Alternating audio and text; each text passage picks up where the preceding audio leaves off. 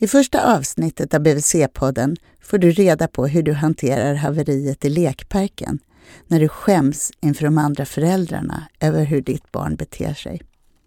Du får reda på hur du undviker härdsmältan vid godishyllan i mataffären och en väldig massa annat.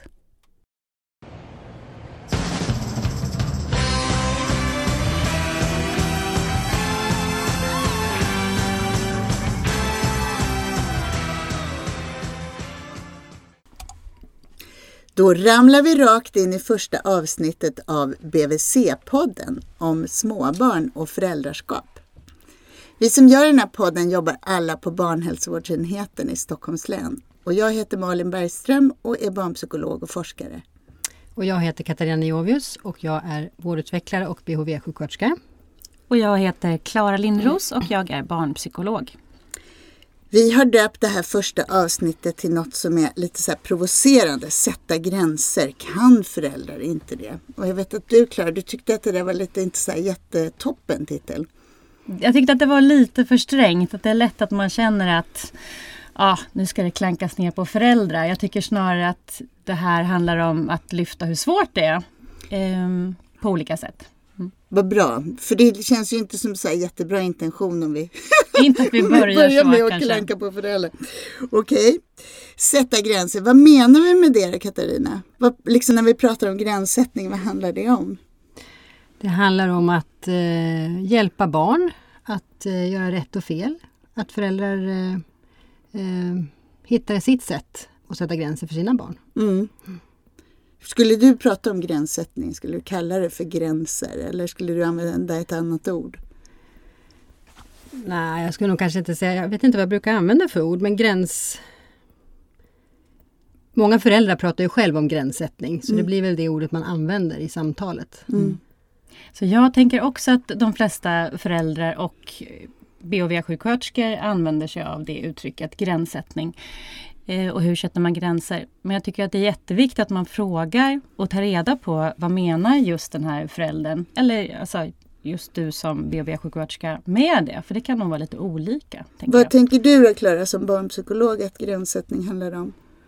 Jag tänker lite som jag uppfattar Katarina att det handlar om att ge barnet det där stödet, den där strukturen som de så väl behöver förstås eftersom deras hjärnor är ganska outvecklade och de är väldigt här och nu och drivna av annat än vad föräldrarna är.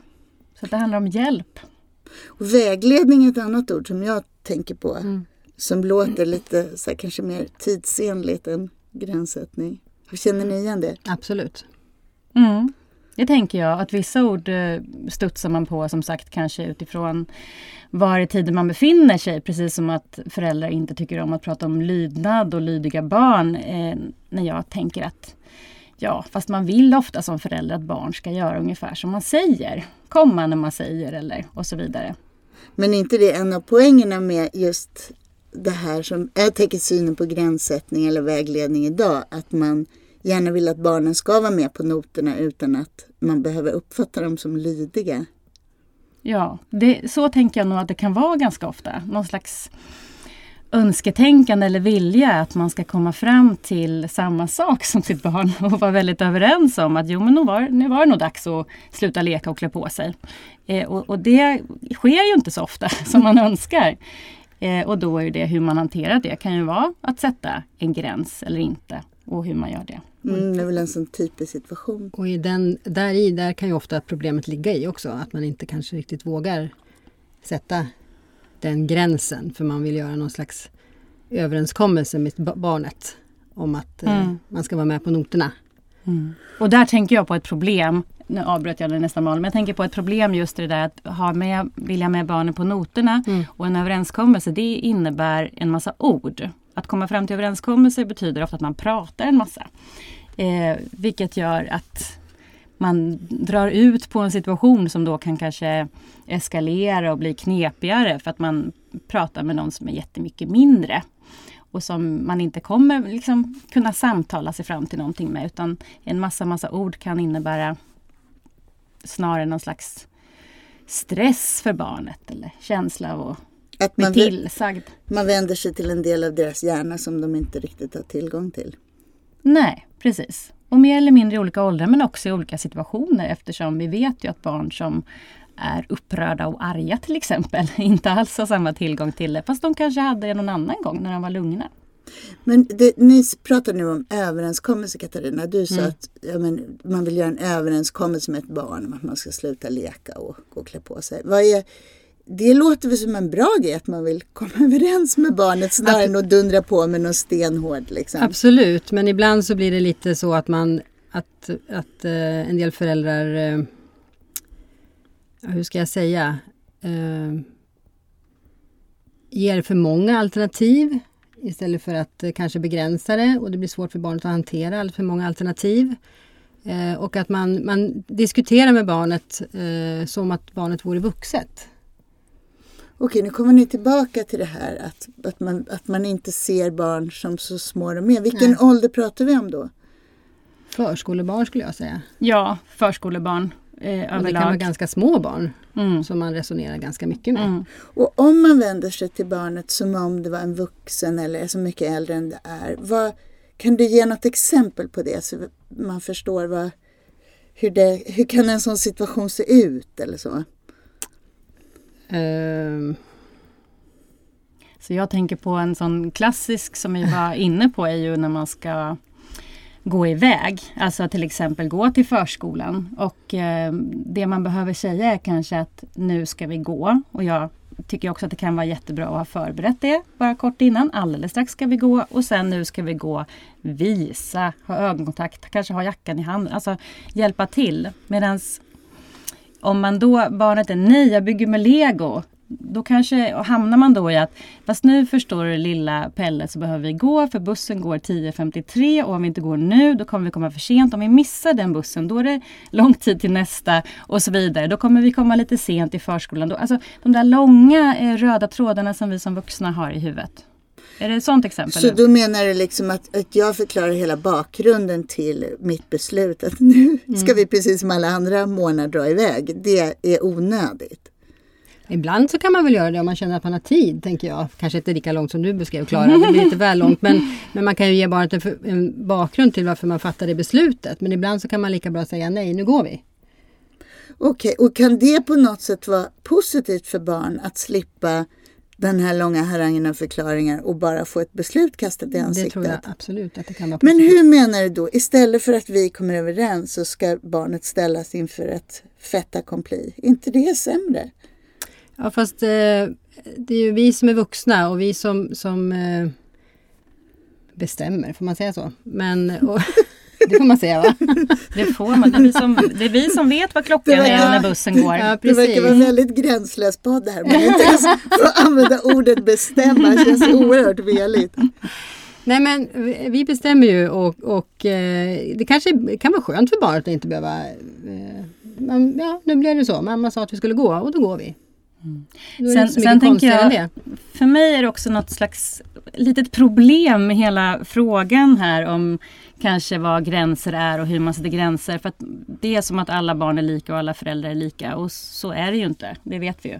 Eh, och att för en del barn så blir det jättebra med någon liten förklaring och de köper det och det vet man väl som förälder. Och så säger man vad snackar de om nu liksom på den här podden? Jag brukar ju säga till min tjej att nu går bussen om en stund och hon tycker att det är intressant på något sätt och hon är med. Eh, men sen har vi någon annan liten som inte alls eh, som blir sådär bara säger emot eller börjar skrika eller blir arg. Alltså, det är också att lyssna in vad era sätt som ni har när ni ska sätta gränser och dra iväg som vi har hamnat i nu. Men då menar du att gränserna ska optimalt sett sättas på samma lyhörda sätt som man lär känna sitt barn under första året eller liksom utformar sitt föräldraskap. Det vill säga utifrån mitt lilla barns unika personlighet. Precis så. Alltså det är ju, lyhördheten är ju alltså ännu viktigare i situationer som är lite eh, tillspetsade än i de fina situationerna om man säger så.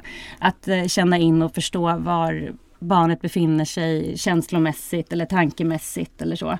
Och att möta upp där innan man alltså möta upp och möta känslan innan man sen säger fast nu gör vi så här. Nu vad, vi, vad hade du jätteroligt med ditt legobygge och det, det är supertråkigt att sluta, jag fattar det.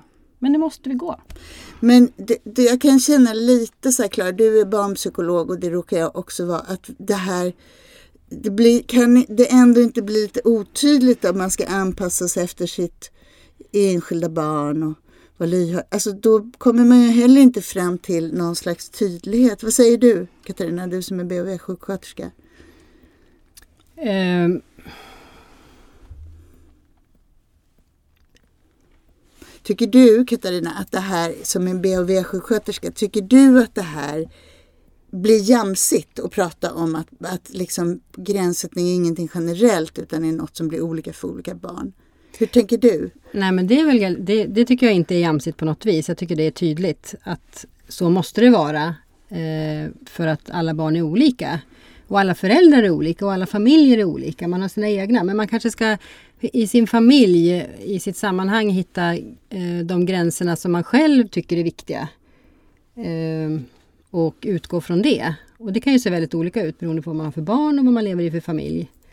En del föräldrar vill absolut inte att barnen ska sova i, sina, i, i deras säng till exempel. Och då eh, passar inte det den familjen så får man lösa det.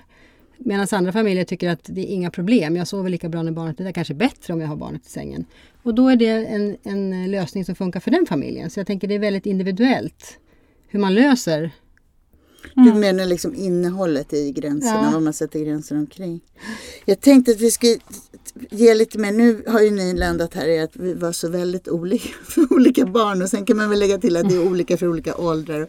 Men om man skulle försöka säga några principer kring gränssättning som man ändå vet från forskning och från vår erfarenhet att det funkar. En sak som du brukar säga Klara, det är att forskningen visar entydigt att istället för att fundera så mycket på hur jag ska lösa just själva konfliktsituationerna eller hantera barnets utbrott så ska jag istället backa och lägga krut på min relation till barnet och att den bandet, mm. vår connection blir bra. Kan du säga någonting om det? Mm. Det där eh, är jätteviktigt. Och det gäller väl framförallt i eh, situationer eller lägen när man känner att man med sitt barn har hamnat i att det blir jättemycket konflikter i alla sådana olika gränssättningssituationer som ju småbarnsåren handlar om hela tiden. Att det blir väldigt bråkigt och tjafsigt, man blir irriterad på barnet, barnet är argt. Alltså där handlar det inte om, precis som du säger, att ja, men hur gör jag? Ska jag köra en konsekvens då? Eller ska jag göra så här? Eller, ja, utan snarare relationen har fått lite för mycket negativt i sig så att säga. Så barnet kommer att protestera mer än det skulle gjort om relationen hade varit bättre. Så du menar att när ungen är i trotsåldern eller när det bara blir mycket bråk, därför att det blir mycket bråk med barn för att de också mm. söker sig till det, för det är ett sätt att lära sig, så behöver man rensa i relationen för att annars så mm. blir det mer bråk bara just för att man brukade bråka. Ja, man behöver både rensa och eh, man behöver fylla på. Alltså rensa kan ju vara att kanske rensa bort lite av alla ja, av de lite mer onödiga tillsägelser och tjat och sånt som, som vi gärna hamnar i, vi vuxna som är verbala och gillar att prata. Medan fylla på handlar ju om just det där som du sa först, att se till att ha det bra tillsammans, satsa på relationen, ha goda stunder varje dag. Där brukar du säga något om bankomaten. Va? Bankomaten, ja den, det handlar om att just det här att se till att göra insättningar på relationskontot. Så att man sen när man behöver sätta gräns, säga till och så vidare kan göra ett uttag. Alltså om ni, om ni tänker att insättning betyder helt enkelt positiv tid tillsammans. Positiva möten liksom, där man connectar som du sa, där man är, känner sig i samhörighet på ett liksom, positivt och bra sätt. Och där brukar, ett sånt råd brukar vara det där som kallas för dagliga lekstunder ibland va? Att man sätter ja. av en stund när man bara följer barnet Precis. varje dag. och vi vet eh, att det är mycket effektivare, om man vill tänka så, ger mer att ha dagliga lekstunder på kanske 10 minuter varje dag snarare än att satsa stenhårt på helgen och gå på Grönan eller göra det mest fantastiska. Att kontinuitet och mötas lite varje dag och då följa barnet, att det är på barnets premisser. Man behöver Men vad betyder det? Är det liksom, liksom glass och TV, TV eller vad är det? Ja, det, du vet, när det är mig så det är verkligen inte glass då. Men det säger för att provocera.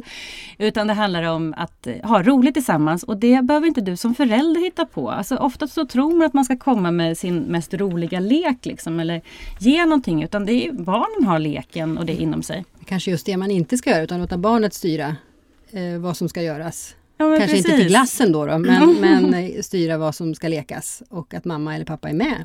Och Precis bidrar. Så. Ja men precis så. Att det, att det här får bli barnets stund. Alltså eftersom det här handlar om att sätta gränser och att sätta gränser är ju att leda sitt barn på olika sätt. Som du börjar att säga Katarina, genom situationer där man faktiskt vet bäst. Och så är det. Eh, så behöver man också ibland följa sitt barn så att barnet får vara den som leder. Och det kan ju vara i leken. Att man mer, vad gillar du att leka? Och så är man med och så tittar man på barnet och så benämner man bara vad man ser och, och följer med i barnets liksom, lek. Så nu hamnade vi att från att sätta gränser så hamnade vi att man skulle backa, sitta på händerna, iaktta sitt barn och vara följsam. I, precis, i lekstunderna och när man behöver satsa på det goda. Man, men jag tycker att vi måste gå tillbaka till det där eh, som du började med att fråga att Ja, eller du började med att prova att påstå att föräldrar har svårt att sätta gränser. Eh, och så kanske det är ibland och det kan handla om det där att vi vill inte göra barnet ledset eller argt eller dra igång någonting och vi har så mycket respekt för barnets viljor och intressen. Och det är väldigt fint men då kanske vi också överskattar dem och egentligen gör dem en björntjänst. Det här är första avsnittet av BVC-podden där jag, Malin Bergström, Katarina Neovius som är BVC-sjuksköterska och Klara Lindros som är barnpsykolog, precis som jag, pratar om gränssättning under titeln eh, Sätta gränser, kan föräldrar inte det? Och jag vet att du Katarina, du brukar prata om det där med regler. Att, för jag tänker gränser kan man både ha för mycket och för lite av. Men du brukar prata kring liksom, vilka regler vill man ha i familjen? ja. Och vad tänker du kring det? Vad är liksom, hur hittar man det där som är lagom? Kan det vara både för mycket och för lite? Ja, det kan det nog absolut vara. Eh, och det kanske är så att man ska välja de, det som man eh, tycker är viktigt och ha regler kring det och låta andra saker vara lite mera eh, fria. Mm. Att man har de reglerna som, och de håller man fast vid. De är inte förhandlingsbara. Utan man har armpuffar när man badar. Och- Eh, och det är inte förhandlingsbart. Men vilken väg vi tar hem från dagis, det kan vi förhandla om. Till exempel. Tänker du då att det där är en lösning i- perioder när man har jäkligt mycket bråk i familjen? Det kan det absolut vara. Eh, också en sån sak som många föräldrar har, kan tycka är jobbigt är att handla med sina barn. Till exempel gå till affären med sina barn. Eh, I perioder så kanske man inte ska ha med sig barnen i- till affären helt enkelt. Utan man åker och handlar själv. Eh, eller köper den där mjölken innan man hämtar på förskolan eller vad det nu kan vara. Eh, genom att eh, undvika de här konflikterna som kan bli just i en mataffär som är ganska klassiska. Ganska klassiska. Men jag tänker så här, det ni säger det är någonstans båda två att att man kanske att man ska välja sina strider, man ska backa, man ska satsa på det goda. Behöver man inte visa barn var skåpet ska stå? då? Behöver man inte liksom visa barn vem som bestämmer och sin auktoritet? Jo, det är ju den andra sidan som jag tycker att vi har varit inne på också. Att när det är så att man behöver ta ett beslut som går emot barnets vilja, då gör man det. Men man gör det utan så mycket snack. Man bara gör det, lite så. Och blir det något utbrott och det blir väldigt jobbigt så kan man möta upp det och tycka att oj vad jobbigt det blev, vad arg du blev eller vad ledsen du blev. Eller vad besviken du blev. Men vi gör så här ändå. Och det innebär att barnet blir väldigt trygga för det finns någon som är större, starkare, eh, klokare som tar hand om dem. Du brukar säga ibland att man ska humma, Klara. Eller sjunga, vad betyder det? Ja, alltså humma, det brukar jag lansera framförallt när jag tycker att det blir väldigt mycket prat. Och för det här som jag säger nu att man ska vara lyhörd och liksom bemöta känslan som kommer när man sätter en gräns. Eh, och, och visa barnet att man eh, förstår och ser dem som är jättehjälpsamt. Det kan ju bli för mycket prat kring det också. Att vi kan vilja prata jättemycket om hur vi förstår att de är så ledsna och så. Då kan barnet, alltså en del barn blir ju himla provocerade av det. Det blir för mycket snack liksom. Och där kan det vara bra att humma istället. Att lite, ja, hmm, Är det Mm. som ett inlevelseljud då? Liksom? Det är väl som ett Det är inlevelseljud. lite lugnande också tänker jag. Ja, I, i själva ljudet bara. precis. Lite monotont. Och, Och då tänker jag på det som vi också vet verkligen från forskning att vad som funkar väldigt bra är att också se till att kanske sänka sin röst. Mm. Att prata mjukare och vänligare och lugnare och mindre. Allt det där sänker liksom hela barnets vad ska man säga, spändhet eller arousal pratar man om i psykologin. Liksom hur hela systemet är på gång och taggigt. Man hjälper till genom att mm, åh, Det, hjälp, det hjälper ju föräldern också tänker jag. För man kan ju ganska lätt varva upp sig själv också om man har en, en är ju- som far ut och är, Det är ju kan man- superbra Katarina, så är det ju verkligen. Kan man själv lugna ner sig så, så, och sänka sin röst så blir man ju Mm. själv lugnare också. och när vi pratar om det så tänker jag att det är så viktigt det här. Det, ska man göra, ha med sig allt det här så är, får man ju lägga till att sen är man den där människan, föräldern Precis. som blir jäkligt sur. Och man kanske inte ens vet varför, varför blir jag så förbannad av det här då som händer just nu. Men man kan se att man blir förbannad och då kan det vara skönt att humma sig själv lite också. Och det är inte heller farligt tänker jag om man som förälder blir arg Nej, och, det är klart och inte. höjer rösten ibland. Mm. Det, Det det, är det, det är inte. oreparabelt om man säger så. Det är det verkligen inte. Nej. Det ska gå rätt långt innan, innan det börjar bli sådär att det blir krångligt att reparera det. Mm. Utan, Finns det inte barn också som inte nöjer sig innan de kommer dit? I bråk? Föräldrar som ska pusha Nej, jag tänker på barn som pushar sina Alltså föräldrar barn liksom som liksom så här kan Ja. driva, de verkligen, de vill ha Ja. den där konfrontationen och ger Mm. sig inte på något sätt Mm. förrän de har, Mm. man har mött dem med, med Mm. det. Så, så är det ju Som en verkligen. urladdning liksom. Och jag tänker att om man som förälder har lite koll på det där så kan man nästan kanske se till att man får sin urladdning lite tidigare än vad som är än vad man egentligen skulle klara om ni förstår vad jag menar. För då kanske den blir lite mer kontrollerad. Man bjuder på ett litet skådespel. om det skulle vara så att man känner att så här är det med mitt barn. Okej. Du, det- eller nej, vad, jag tänker så här, är det så att varför, är, om det nu är så att det här är en utmaning för föräldrar idag, varför tror ni att det är så? Vad handlar det om? Ja, jag tror att det kommer ur väldigt liksom, goda tankar om barnet som en egen individ. Man har väldigt mycket respekt för sina barn, man är väldigt intresserad av deras utveckling och så. Och man, därför så vill man kolla av liksom, med deras känslor och tankar och vad de vill och så. Och så blir det kanske överkrav på ett sätt. Att det blir för svåra saker som man frågar sitt barn om Mm. eller det här att man vill få med barnet på ja, någon konsensusväg och vara överens. Mm. Det tror jag. Sen Mm. tror jag i och för sig också att det handlar om det här som vi har pratat lite om. Med att vara, bli lite rädd för barns utbrott på olika sätt. Att, Många föräldrar har ju svårt att, att se sina barn arga eller ledsna. mm, Vad det- tror du det handlar om då? Är det samma det som Klara sa? Ja, det tror jag.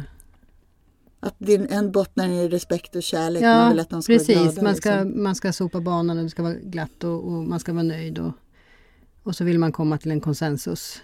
Eh, komma överens om besluten. Eh, som kanske inte alltid kanske är för avancerade för barnet att och Mm. ens greppa. mm. Jag tycker det är inte så konstigt heller för jag tycker det kan vara en chock när man får barn hur oerhört mycket de kan bråka. I alla fall vissa av dem. Mm. Jag menar, det, Hur är, högt det kan låta. ja, men det är få Mm. människor innan i livet som kan bråka så mycket som barn. Alltså Mm. man inte fattar vad det finns för vits för ur barnets perspektiv med de här eviga bråken. Att de faktiskt lär sig något om socialt Mm. samspel av det så är det att det känns lite meningslöst tänker jag. Och där tänker jag att mm, jättemånga föräldrar är, tycker jag, som jag har mött att Ja, men varför ska det bråka så mycket? Det Mm. skulle ju gå så mycket lättare annars. Vi skulle ju ha en roligare morgon. Och där kan man också komma in i det här lite logiska resonerandet med sina barn. Liksom att, ja, men om, om du inte satte dig på tvären nu, då skulle det här vara en trevlig middag. Så lägger Ja, man just det liksom ansvar för barnet. Och som vuxen Som att barnet det... skulle vara vuxet. Ja, för då hade man ju menat, så kanske man säger till sin partner att, ja men hörru, nu, satt, nu vill jag att det ska vara en trevlig middag. Kan du så här, skärpa dig lite nu? Ja. Ja, så kanske man kan det. Det är inte säkert. Men den där treåringen som är mitt i sitt, som du säger Malin, det är ju viktigt att man faktiskt bara måste bråka lite just nu i den här åldern för att testa vad som händer när man uttrycker sin vilja på olika sätt. Och, Ta ut svängarna lite och Ja. innan man kan hamna i en sån lagom fåra. precis. Mm. Jag tänkte vi skulle summera upp lite. Om ni skulle ge varsitt råd när det gäller gränssättning? Vad skulle ni, vad skulle ni vilja skicka med? Jag, jag tänker mycket på våra föräldrar idag. Eh, googlar ju förstås jättemycket kring ämnet. Eh, och eh, när man kommer in på vissa sidor så är det ju otroligt svårt att eh, det, det blir så mycket formuleringar man ska använda sig för. Man ska säga si och man ska säga så. Och det är inte alltid så lätt. Jag tror att man ska inte vara så rädd att göra fel. Och, eller fel var väl kanske fel ord, men ni förstår vad jag menar.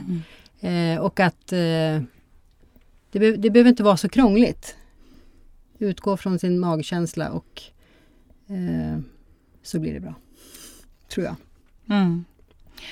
Ja, vad ska jag säga? Jag tänker väl lite grann gå tillbaka till det där att inte vara rädd för att sätta de här gränserna. Inte vara rädd för att barnet blir ledset och argt och allt det där som det ska bli tusen gånger. Just med dig som är dess tryggaste person, eller just med er som är dess tryggaste person, så behöver den få prova att vara allt det där. För att jag tror att rädslan för att barnet ska vara ledset, missnöjt, argt det är det som är den stora liksom, käppen i hjulet och hindrar oss. Det är den som antingen gör att vi jamsar med för länge och till slut blir man bara asförbannad för att man har gått över sina egna gränser. Eller att man blir liksom för, ja, men för sur och sträng och så. För att man har för höga förväntningar och, och förhoppningar på att det ska gå smooth liksom hela tiden. Mm.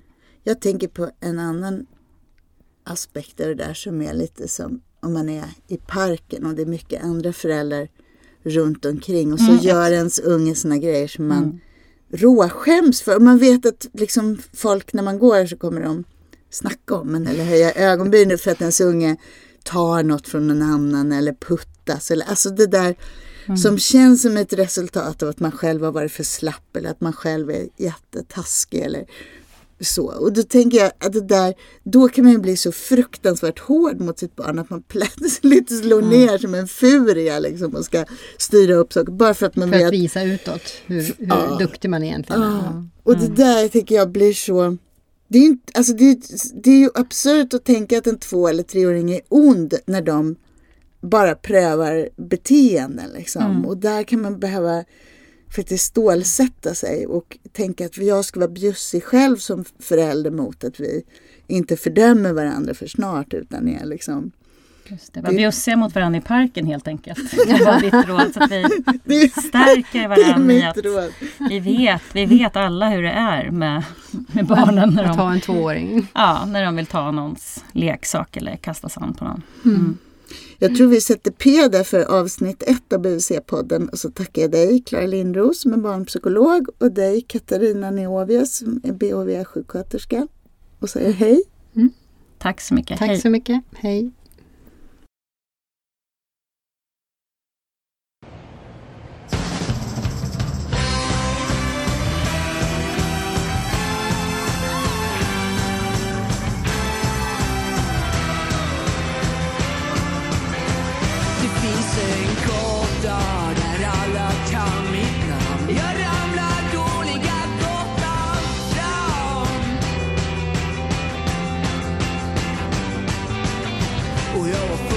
Ödül bu yaramla